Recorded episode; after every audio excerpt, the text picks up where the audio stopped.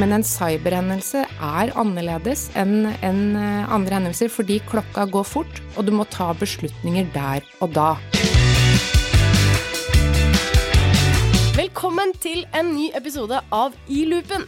Podkasten som gir deg inspirasjon og læring for å holde deg i loopen på jobb. Og i dag, kjære lytter, så skal vi ta med deg på innsiden av en cyberkrise, og vi skal snakke om krisehåndtering. Og da er det jo også relevant å nevne at når vi spiller inn denne episoden, så har Russland eh, nettopp eh, for en uke siden invadert eh, Ukraina. En ny krise. Vi har nettopp vært gjennom en pandemi. Krisene tar ikke slutt. Men i dag skal vi altså snakke hovedsakelig om cyberkrise. Og vi skal snakke om hva skjer når en organisasjon er under cyberangrep. Hva skjer med lederne i organisasjoner da? Hva skjer under krisen og etterpå? Og ikke minst også hva er det dere eh, som lytter, da, kan gjøre og være med for å hindre at det skjer der dere jobber, eller der dere er. Og stå mest mulig forberedt, selvfølgelig. Og for å snakke om dette, så er jeg så heldig å ha med meg her i studio Ole André Bråten. Mm. Ole André er rådgiver, krise- og konfliktforsker og forfatter av bøker som Håndbok i krisehåndtering. Utdanning og erfaring fra forsvar og politi, jobbet for bl.a. FN og Nato. Velkommen til deg, Ole André. Tusen takk. Og ved siden av deg så sitter Kjersti Trane Statopolo. Over 20 års erfaring med IT og cybersikkerhet. Tidligere fra Telenor og i BPM. Og nå partner og leder for cybersikkerhet i Deloitte Norge og Norden. Velkommen, Kjersti. Takk, Guro. Ja, dere to. Jeg har lyst til å, som jeg ofte gjør i, i episodene våre, begynne litt personlig for å liksom bli kjent med dere på innsiden. Det er fint for lytterne. Så vil jeg høre med deg først, da, Ole André. Hvorfor jobber du med kriser og krisehåndtering? Jeg tror det er noe som treffer oss, og det treffer oss veldig sånn personlig. Det å stå i en krise er noe som vi opplever som veldig krevende. Og så lærte jeg veldig tidlig, både i, i Forsvaret og også senere i, i politiet, at vi kan lære oss å håndtere kriser. Mm. Uh, og Det er derfor jeg jobber med det, for å kunne lære organisasjoner til å mestre presset. Ja, nettopp. Det er noe man kan lære seg, det er noe man kan bli bedre på. Det er ikke bare la det komme. Helt riktig. Um, og Kjersti, da, hvorfor jobber du med cybersikkerhet? Ja, det var ikke gitt det at det skulle bli eh, cyberrådgiver av meg. Jeg, mitt første møte med sikkerhet, det var på et eh, backup- og recovery-kurs i 2001. Og det jeg holdt på med den uka, det var å prøve å holde meg våken. Jeg syns det var kjempekjedelig. Eh, og det tok meg lang tid å forstå hva er egentlig cybersikkerhet. Men for en del eh, år tilbake så, så forstår jeg hvor avhengig vi har blitt av eh, teknologi i samfunnet vårt. Og, og hvordan dette treffer alle mennesker. Mm. Og tenkte at ja, men her kan jeg være med og bidra. Jeg har lyst til å etterlate meg et, et, spor som handler om noe mer enn bare å tjene penger og, og spare kost. Mm. Så for lyttere å gjøre det enda tydeligere, da, så har vi altså Kjersti, som er liksom vårt cyberkort her i studio i dag. Og så har vi Ole André, som er ekspert på krisehåndtering. Og sammen blir det jo det, da. Håndtering av cyberkriser. Men eh, Ole André, jeg vet også at du har gjort veldig mye spennende, og kanskje noen ting som er nyttig for lytterne også å vite om dette med 22. juli, var jo du også veldig tett involvert i. Ja, og det lærte meg jo egentlig om hvordan det er å møte langvarige kriser. For det er det som er utfordringen med, med en cyberhendelse vi skal snakke om, er jo det pågår over lang tid. Mm. Og jeg var i mange år leid inn i regjeringskvartalet etter 22.07. og var den eneste eksterne som, som, var der. Og det var jo veldig spesielt når du skal inn og jobbe med en organisasjon som er utsatt for terror. Ja. Og, det jeg, og det er ikke noe, skrevet noen lærebok om akkurat det. Så Nei. det jeg lærte av det, det var jo det å når du står i en langvarig krise, så må du egentlig gå inn i din egen boble. Det er egentlig det du må gjøre. Og jeg starta hver dag. Så starta jeg på en egen kafé og tok en kopp kaffe. Og lagde litt sånn mental brief for hva jeg skal gjøre i dag. Og så avslutta jeg alltid på det samme stedet før jeg dro hjem. Mm. Fordi at når du forholder deg til vanskelige tema, så er det veldig viktig at du er fokusert. Så det at du forbereder deg mentalt, før du går inn, og, og, før du går hjem. Det er nok veldig viktig. Mm. Det var det jeg lærte veldig mye av. Ja, ikke sant. Jeg lurer på om vi kunne starte med en liten sånn intro til hva vi egentlig tenker på når vi snakker om uh, cybersikkerhet og cyberkriminalitet. da. Kjersti, vil du begynne? Ja, altså det vi, det vi, jobber med, det er jo å, å forebygge risikoen for kriminalitet. Eh, vi kaller det jo cybersikkerhet. Cyber er jo litt sånn som cloud og en del andre ord. Litt sånn eh, konseptuelt, men det er jo kriminalitet. Eh, så tidligere så var det jo bankranere, det var jo utrolig slitsom jobb å ha, eh, for du måtte være sterk, du skulle bære med deg mye utstyr, det var veldig stor risiko for å bli tatt, du måtte kanskje båre og drille, og så skulle du jo få med deg disse pengene ut av, ut av banken uten da å bli, bli skutt og drept. Nå i dag så trenger du en PC eller en mobil eller en iPad.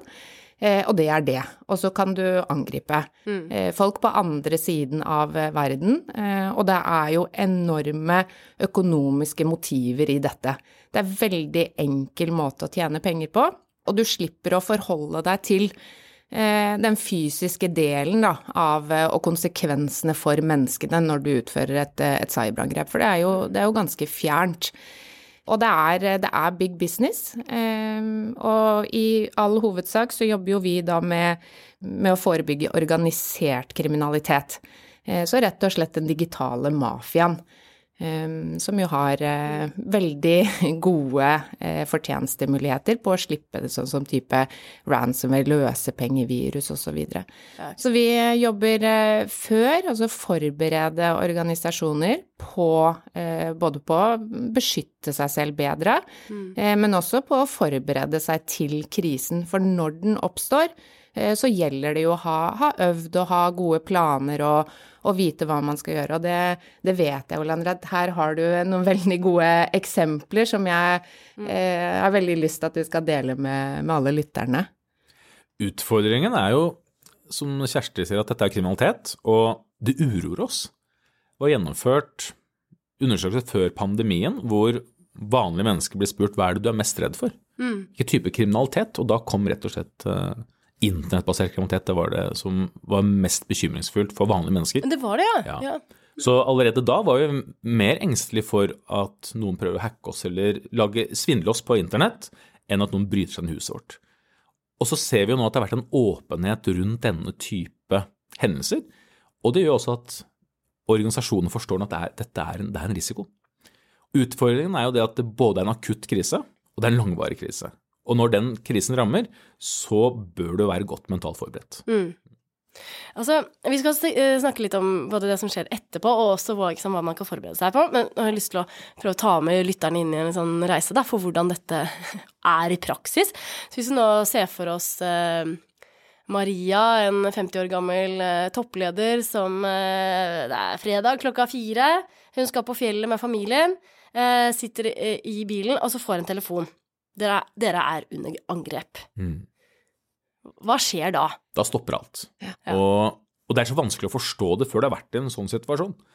Hun vil få de samme reaksjonene som det en politibetjent eller en soldat får på Skype-oppdrag. Kommer til å merke at tiden stopper opp, og kommer til å merke det at persepsjonen endres. Hun kommer ikke til å høre noe særlig. Oh, ja. Hun får kanskje den første beskjeden på telefon, og så vil hørselen skrus av. Og dette er jo psykologisk akutte stressreaksjoner som er svært hensiktsmessig i en krevende situasjon. Jeg har stått i mange akutte hendelser i første linje, og da fungerer dette veldig godt. Da vil du merke det at når hørselen skrus av, så får du fokus på hva som skjer foran deg. Tunnelsyn det kommer på. Og det er for at du skal kunne oppfatte den trusselen som du står overfor. Utfordringen er at når hun nå står på la oss si hun har vært ute og gått på ski og står på parkeringsplassen på, og skal inn, inn på jobb, så stopper egentlig hele verden opp. Ledere som tar kontakt med meg, de sier det, jeg husker en som han ringer akkurat sånn, og så sier han det at Ole André, nå står jeg her, jeg føler jeg er tre år, jeg, vet, jeg klarer ikke å tenke, jeg klarer ikke å kjøre. Nei. Og, og det er nok å forstå den enorme impacten det gjør når det skjer, det er nok vanskelig å, å se for seg. Bare for å forklare til lytterne, du har, jeg vet ikke om jeg sa det tydelig i introen, men du har jobbet som politi. Så det var det du refererte til når, liksom, når, Ja at du har opplevd det selv. Mm. Ja, både som politimann og soldat, så det er jo Ja, samme. Og det er jo det som overrasker meg når jeg nå har de siste 13 årene jobbet med, med ledergrupper som står i kriser, så for det de forteller, er jo akkurat de samme reaksjonene som du får da i, i disse første øyeblikkene. Men bare at du sitter kanskje i styrerommet, eller du sitter som, som på det eksempelet her, så er du ute, du har kanskje gått på skitur, du skal inn, inn til jobben. Hva blir de neste tingene som skjer da? Ja, da har man eh, forhåpentligvis en, eh, en plan eh, som gjør at du, du reagerer eh, på det du har øvd. Eh, for det er, det er kjempeviktig å ha øvd i forkant, for det er jo som eh, Ole André sier, at du, du stenger jo av. Du klarer jo ikke å tenke. Eh, så da er det, da er det refleks, rett og slett, mm. som avgjør hva du, hva du gjør da. Og det som må er litt Altså, mange jeg er ute og snakker med, sier at ja, men vi, vi, har jo en kriseplan, og vi har en krisestab, og dette har vi øvd mye på, og vi er gode på beredskap, fordi de kanskje har mye sånn eh, safety-behov, eller eh, har viktige installasjoner og, og kritisk infrastruktur. Eh, men en cyberhendelse er annerledes enn andre hendelser, fordi klokka går fort, og du må ta beslutninger der og da. Hva da? Hva kan det være, for eksempel? Du må ta beslutning på det? Må, det første du må bestemme deg for, er jo ok, er dette alvorlig nok til at vi skal skru av hele nettverket vårt? Ja. Fordi dette sprer seg fort. Det går så fort. Mm. Eh, og, og, den beslutningen, den, den, trenger du å ta med en gang. Mm. Eh, og så etterpå, når, når, den beslutningen er tatt, så må du jo vite hvem du skal gi den beslutningen til. Hvem er det som faktisk skrur av det nettverket? Det er det heller ikke alle som vet, for det kan være det er jo ikke en leder eh, som nødvendigvis har de tilgangene til å, å, sette dette i gang. Kanskje du har underleverandører, kanskje du har mange leverandører, men du ja. vet ikke hvordan ting henger sammen og hvor du skal starte. Eh, ja. Så hvis ikke du har den oversikten, da går klokka fort, og da er alt låst ned ja. innen du rekker å reagere. Eh, For da vet du vet liksom at noen er inne, noen er og hvis inne. ikke du rekker å skru ting av, så gjør så sprer det seg. Ja. ja. det tar ca. Jeg kan ta en halvtime til en time, og så er store uh. globale organisasjoner fullstendig kryptert. Uff, uh, jeg får helt vondt i magen. Ja. ja mm. Det er eh, det er, og da, da, må man jo ha de, eh, ha de, refleksene i forhold til hva, hva skjer nå, få igangsatt den beredskapsplanen da, som du forhåpentligvis har. Dessverre så viser jo undersøkelser at det er halvparten av virksomheten i Norge som har en beredskapsplan for cyberhendelser. Bare halvparten, ja? Bare halvparten. Hm. Så ja, halvparten vet ikke hva de skal gjøre. Ja, vi har gode planer. Vi har også vært igjennom eh, eh større hendelser. Og det er jo og det er jo det som er litt trist, da, og derfor jeg også syns det er så fint å, å, snakke med Ole André, er jo at eh, det er, finnes, selv, selv, om folk er bekymra, eh, så er det litt for mange som velger å være litt passive. Eh, og tenker nok at de er litt bedre stilt enn det de egentlig er. Det er veldig mange som er kjempegode og veldig dyktige og har investert over mange tid òg, så, så, det er ikke sånn eh, helt Jeg vil ikke svartmale bildet. Eh, men vi trenger å, å, få en eh, forståelse av hva som skjer når den krisen faktisk kommer, eh, for da har du ikke tid. Nei. Og, plan, og planen er nok et sånn minimum, hvis man skal tenke det. For det er jo, vi har tre måter å fatte beslutning på i en sånn krise. Og det første er jo det som kanskje La oss si du ikke har en plan, da. Da samler du ledergruppa di. Mm. Så kan vi kalle det krise, da. Vi kan kalle det du samler ledergruppa di. Og så rett og slett så har vi en analytisk måte nå å håndtere en situasjon på. Det kan du gjøre hvis det ikke er en risiko. Mm. Men hvis det er en risiko, så, så er det rett det tar for lang tid. Hvis risikoen er moderat, så er det nå tid inne til å ta ut denne planen. Ta ut denne, denne, dette planverket som du har jobbet med. Men det er når risikoen er moderat. Men det er som Kjersti sier, her går, her går klokka. Så da trenger du i tillegg til at du har den planen, så må du ha et kognitivt kart. Altså du må ha mentalisert den planen så godt. Ja. Den må du nesten kunne i, se for deg omtrent. Da klarer du å respondere på det. Fordi at de kognitive effektene i en sånn krise de er så kraftigere, mye kraftigere enn det vi tror. Hvis du ser for deg at du har vært i en trafikkulykke, hva er det folk sier da? Jo, var, sier at det var som livet gikk i revy. Og det er jo fordi at korttidshukommelsen skrus av, og så begynner du å lete i langtidshukommelsen etter at som kan hjelpe deg. Ah, er det det som skjer? Det er akkurat det som skjer. Og, og, la oss si at du da bare har du har brukt en ekstern partner til å lage planen din, men du har ikke sett på den selv. Ja, så vil jo den revyen som spiller seg, det være helt uh, ukontrollerbart. Mm. Men hvis du har lagd Du har fått en plan, men du har også internalisert den. Du har brukt tid. Du har øvd, du har trent, du har investert. Du kan planen på rams. Ja, mm. så vil den planen komme veldig fort fram. Og da vil stressnivået ditt gå ned, og du vil føle mestring. Mm. Så, så, alt kommer an på hvor godt forberedt du er på forhånd. Og så er det en ting til som slår inn, som nok er kraftigere enn det vi faktisk er klar over. Og her merker jeg det at den her merket jeg at jeg møter meg selv litt i døra. Jeg har jobbet tidligere i justissektoren, så jeg har spesialisert meg innenfor organisasjonspsykologi. Psykologisk så vil du nå føle deg at jeg har dumma meg ut. Fordi at noe har du nok Du har gjort et eller annet som kanskje ikke er riktig. altså sett, før det skjedde, mener du? Ja, for det, det, vi har sett i mange tilfeller, er jo det at man får ut data som er sensitiv. Og så, Det er ikke bare at du blir utsatt for kriminalitet, men du blir kanskje også straffulgt fordi at man, du har brutt bestemmelser rundt hvordan du skal lagre data. Ja. Fordi at nå har den dataen kommet ut. Mm. Og det er dette som gjør det kanskje også ekstra vanskelig Fordi at det vi har sett når vi forsker på krisehåndtering, er jo at det første som kommer fram, det er katastrofetankene. Og nå er det jeg, det er, dette er min skyld. Og det ser vi uansett om det er sleipen eller hva det er for noe, altså stor ulykke, katastrofer. Og den første telefonen du får, tenker nå har jeg dumma meg ut. Og hvis vi ser på da at vanlige mennesker er veldig redd for cyberhendelser, så er lederen altså bare et vanlig menneske. Og det er kanskje det jeg har lært mest av å jobbe med dette her, at det er de individuelle faktorene, det som treffer deg. At du tenker at nå har jeg dumma meg ut. Ja, For, for før vi, eh, eller da vi liksom forberedte oss og hadde en samtale, så, så sa du det at eh, sikkerhetskultur handler om mennesker. Mm. Syns jeg var fint sagt. Og, eh, det, Og det er jo en floskel, men det er jo sant. Fordi at det er topplederne og ledergruppen, de må være såpass åpne og øve og trene hjernen under stress. Vi har noe vi kaller stress inoculation training, og det er at du øver under stresspåvirkning. Og det vaksinerer deg mot senere stresspåvirkning. For det, dette kommer til å Helt riktig. Helt riktig. For dette kommer jo til å oppleves svært ubehagelig. Både at det går fort, du har mange stakeholders, du har kanskje gjort noe feil i tillegg, og du er redd for kanskje det. Så du er et offer for kriminalitet som kanskje også blir, må gjenstand for gransking i tillegg. Og det er ganske tøff, tøft, altså. Men, men i en sånn krise, hva er det liksom, Hva blir for eksempel vår rolle, Kjersti? Hvordan er, det, hvordan er det man kan hjelpe da? Ja, altså det er jo Da får vi jo ofte den telefonen, da, eh, ifra eh, de lederne i nettverket vårt eh, som, som kjenner til oss. Så ringer de igjen, men eh, nå, ha, nå har vi en eh, alvorlig hendelse. Eh, kan vi snakke sammen litt? Eh, og de kommer ofte veldig forsiktig. Det er ikke sånn at de ringer oss og så sier bare 'å, nå har alt gått, eh, gått gærent'. Så de er ofte litt sånn, så vi tenker 'ok, men hva er det, hva er det ikke her', eh, som har skjedd? Og så får vi den eh, den eh, praten, og så er vi rett og slett der for å hjelpe forretningen, for det, er- dette er jo en forretningskrise. Det er jo ikke en IT-krise. Så vi leier i hånda, guider gjennom, sørger for at de får tatt de beslutningene, sørger for at de får informert.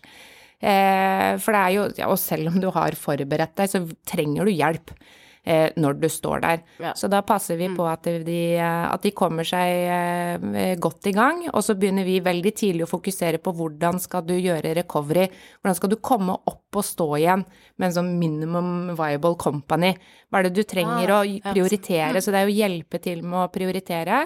Mm. Og når du da får den derre Det er jo som en knockout-følelse og en nedtelling, sant, fordi krisen er et, eh, er et faktum, eh, så er det jo Det er veldig mye støy. For det er veldig mange mennesker som skal ta kontakt med deg, og som ønsker å få informasjon og, og sånn, så det er rett og slett å hjelpe til, da, med å dra deg gjennom alt det som foregår rundt deg mens du ser litt stjerner og sånn. Eh, sånn at du kommer deg raskt opp igjen. At du får minimert konsekvensene av det angrepet. Og så er det nok, det er jo liksom sier at Mohammed Ali sa at 'everybody got a plan until you get punched in the face', og det jo, har jo noe med det. Ja. Eh, I tillegg, så det som er spesielt også med IT-hendelser i tillegg, er jo det at La oss si det er en brann, eller det er en security-hendelse, eller det er en, safety- eller security-hendelse, så når du øver og trener på det, så vil man kunne forvente da at et tiltak som krisestaben treffer, blir iverksatt. Mens en IT-hendelse trenger ikke det være tilfellet. La oss si at du mister alle støttesystemene dine. Og så bestemmer krisestaben hva som skal gjøres, men det er ikke sikkert at det faktisk kan operasjonaliseres i IT-tekniske grep. Og det tror jeg nok er en del som undervurderer kompleksiteten i, i virksomheten sin. Og så får du noen eh, Du får noen dilemmaer. Eh, Alle, samtlige selskaper har en eller annen policy eller regel som sier at vi skal ikke utbetale løspenger. ja, ikke sant. Eh, og så står du der, eh, og så sier alle ja, men så tenker du at ja, men vi har backup.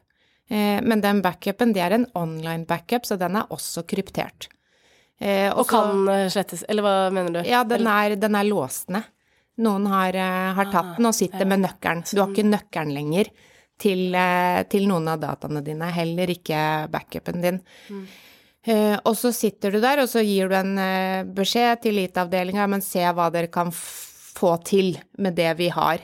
Eh, og setter ned en arbeidsgruppe. Og så ser du at, eh, at klokka går, eh, men det er veldig lite data de egentlig klarer å hente ut igjen, og du har ikke noe annet noe annet sted. Ehm, og da eh, kommer dilemmaet. Hvis ikke du får tak igjen på noen av dataene dine, så er selskapet konkurs. Ehm, og her er det jo snakk om arbeidsplasser. Det er snakk om menneskers liv. Eh, Hvordan blir hele selskapet konkurs? Kan du liksom forklare det liksom billedlig? Eller et eksempel, eh, Kjersti? For det ja, du har Si at du er en eh, Du selger eh, en programvare, da. Mm. Eh, Du har lagd en eh, som er ja, industri. Det er det du lever av. Du selger Ja, denne programvaren, eller du er eh, avhengig av, av kundedataene dine, videre. Ja, Men du har ingenting lenger. Det du har, det, det er folka dine, og så har du fremdeles kontorplassene dine, og du har PC-en din og sånn, men du har ikke noe innhold. Alt innholdet ditt er borte, som du lever av. Ja, ikke sant. Det, Så, da, men det da er- blir det vanskelig å ikke betale løsepenger, egentlig. det er et dilemma, det er et forferdelig dilemma, eh, og det er et, et viktig spørsmål å ha diskutert i forkant. Det er ikke noe som du bør ta der og da, for hvis du virkelig mener det, at eh, nei, vi skal faktisk ikke betale løsepenger, ja, så er det noen andre forberedelser og investeringer som man må ta. Eh, nettopp å kunne klare da å bygge opp igjen, et, eh, bygge opp igjen den infrastrukturen som du, du trenger, da. For det er mulig. Ja. Det er mulig, det er ikke umulig. Eh, men man må ta et aktivt valg Mm. eh, og, og følge på med de aktivitetene som man, man trenger, da. Får man hjelp av politiet når man står i det her, eller? Ja, man får hjelp av, eh, av politi, man får hjelp av eh, NSM, myndigheter, men det kommer jo litt an på hvem du er. NSM er eh, Eh, Nasjonal sikkerhetsmyndighet. Ja. Nasjonal sikkerhetsmyndighet. Det er faktisk så for, ja. Og vi, eh, så det er jo hjelp å få, eh, men det, det er jo selvfølgelig Men det er jo ikke sånn, men, men det er ikke sånn når det begynner å brenne. Og det er det som er liksom, hvis det begynner å brenne, så kommer brannvesenet. Og de vet hvor hovedkranen er. Mm. Mens her er det Her kommer ikke Det er ikke sånn det fungerer. Ideelt sett så burde vi hatt et eget cyberpoliti. ideelt sett. Ja. Og vi burde ha hatt innsatsledere, digitale innsatsledere som kom og hadde oversikt overalt, sånn som man har, man har planverk på skoler. Hvordan ser Ja. skolen ut hvis det begynner å brenne eller skjer en annen hendelse? Eh, burde kanskje hatt tilsvarende planverk, sånn at man kan respondere. respondere. Men det er som Kjersti det er så komplekst. Så uten å ha kjennskap til forgreiningene i virksomheten, så blir det veldig vanskelig. En leder som hadde opplevd det, sa til meg en gang at hvis du skal trene noen i å håndtere sånne hendelser, så gjør du bare følgende og si at du har ingen systemer. Vær så god. Du vet ikke hvem som kommer på jobb i morgen. Du vet ikke når lønna ble utbetalt, eller det vet du at den ble i hvert fall ikke utbetalt. Men, og du vet heller ikke hvem som skulle hatt den lønna. Nei.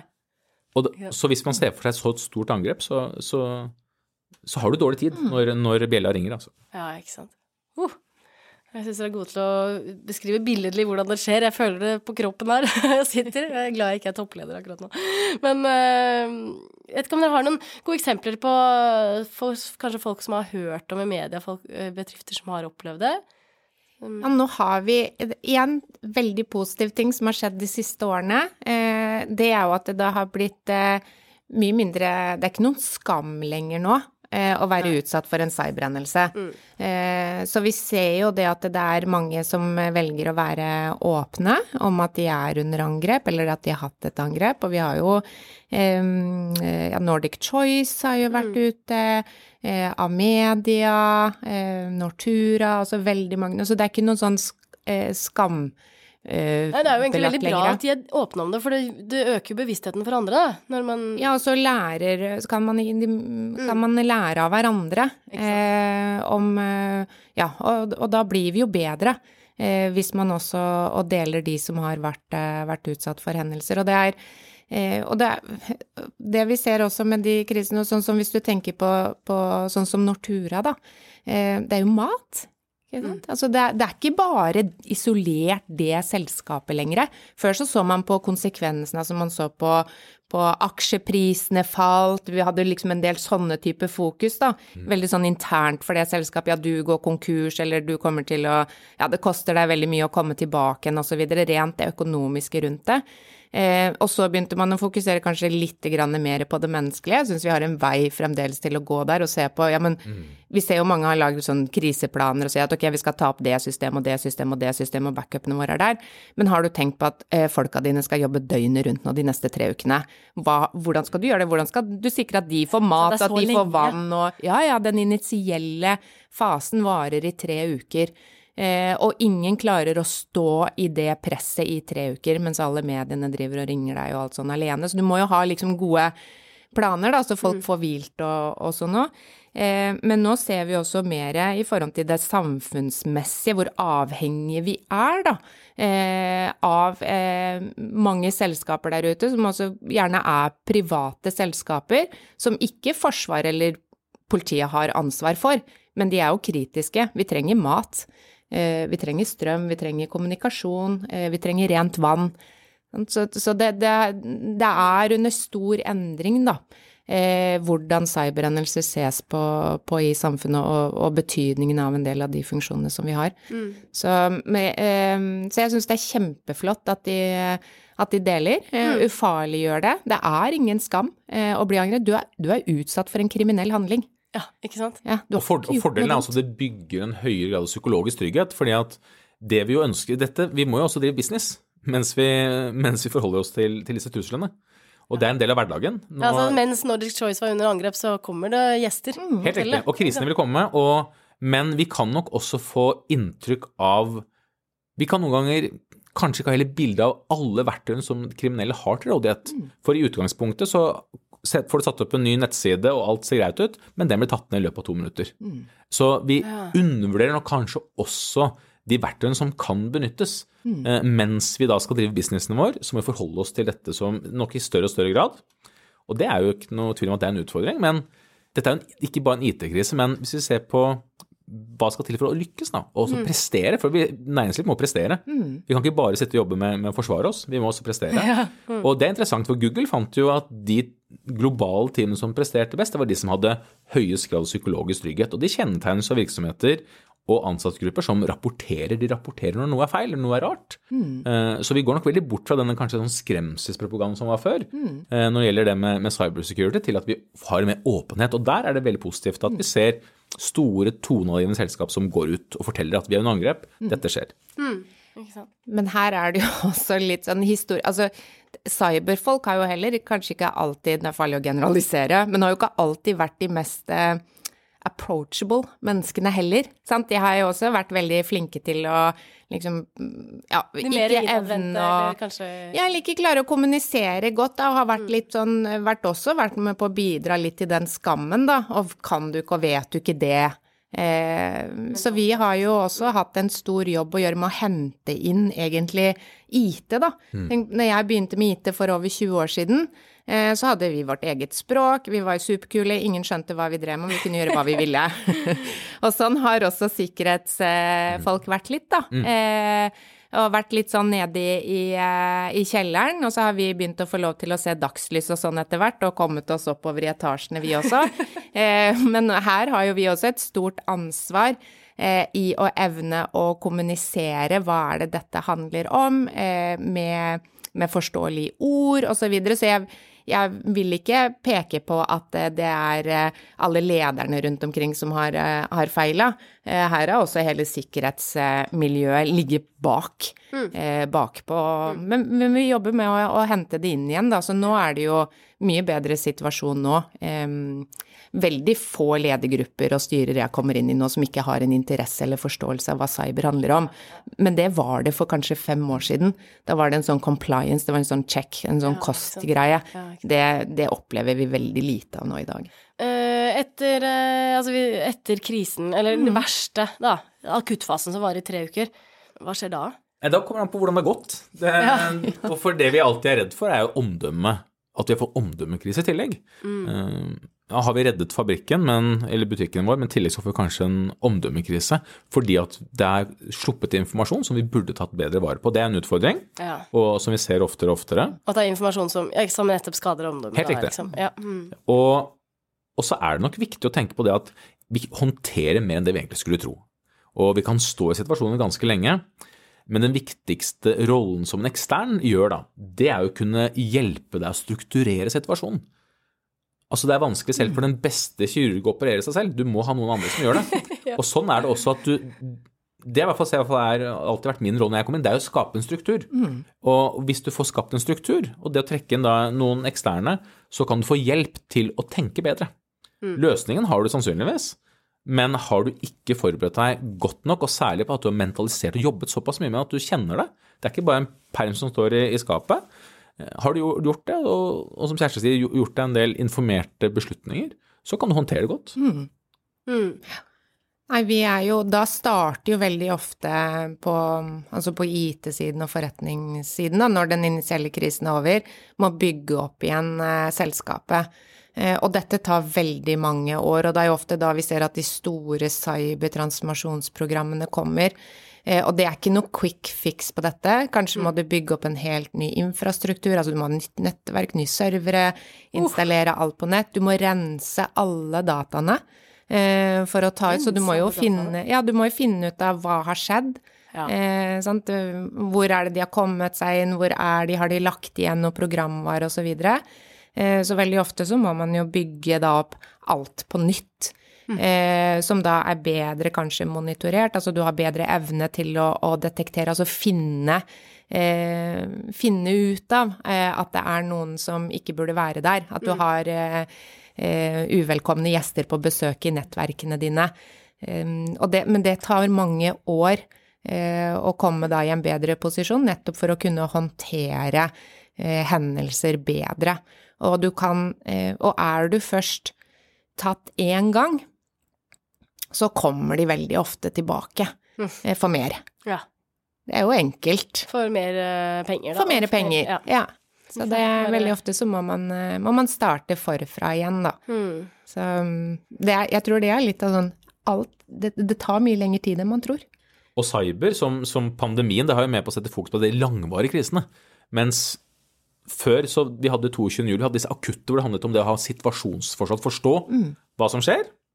Så er noen fokus på de langvarige, men cyber er på en måte begge deler. Det er både en tidskritisk hendelse og et langt løp du må gjennom. Og det er jo det som gjør, setter det i en særstilling, og som gjør at det er jo mange av oss som tror at den, det en, dette blir den neste store krisen. Vi har hatt pandemien, dette blir neste store. Det er en stor cyberhendelse. Hvem er det som har eh, Er det en sånn spesiell type mennesker som har stamina til å stå igjennom det?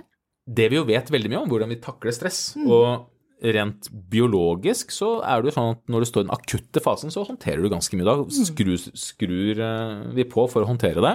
Og så går vi i det vi kaller motstandsfase, hvor vi fortsetter å produsere eh, stresshormoner. Så du kan stå i en situasjon ganske lenge. Men utfordringen, da, det er jo at vi går inn i en mot utmattelsesfase etter hvert, hvor du rett og slett bruker opp all energien din. Så det å trekke inn, når vi øver og trener, når vi får på plass planer, at vi trekker inn alle forretningsområdene, og også støttefunksjoner som, som HR, eh, det er nok veldig viktig, slik at vi klarer å drive det over tid. For som Kjersti sier, dette er ikke en, dette er jo ikke en, det er en sprint, og så er det en maraton. Ja. Og da er det kjedelig å bruke opp all energien når du skal fortsette. Ja. Altså, vi har snakket mye om ansvaret for, til bedriftene på det å forberede seg, men, men i det å minimere risikoen, hva med oss som privatpersoner som jobber eh, et sted, der, for eksempel? Først og fremst handler det om å ha litt grann interesse for det, tror jeg. Eh, og så har vi jo en helt annen sammenblanding i dag mellom eh, jobb og privatliv enn det man hadde tidligere. Nå har du den samme mobilen, for eksempel.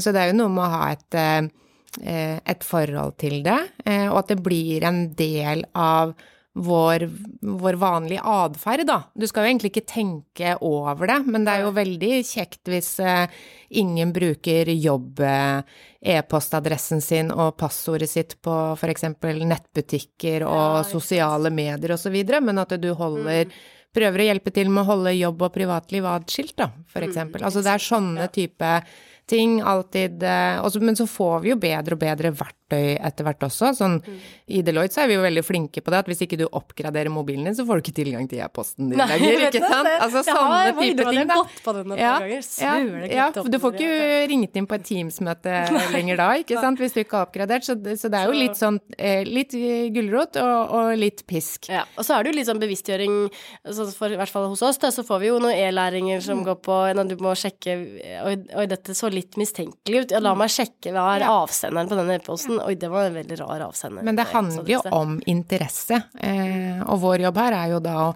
finne måter å pitche dette på som gjør det, gjør det interessant. At du har lyst til å gå inn og lese den artikkelen når du ser en overskrift om at eh, ja, nå har det vært et cyberangrep eller et eller annet. Altså sånn, Mm. eh, for da lærer man jo, eh, og, og kanskje også da vil endre den, den atferden. For det vi ser også, er at vi kan jo pøse på, vi med kursinger og, eh, og tips og så videre og sånn, men det, det, gjør ikke at du nødvendigvis begynner å låse PC når du går, på, går ut for å hente deg en kopp kaffe.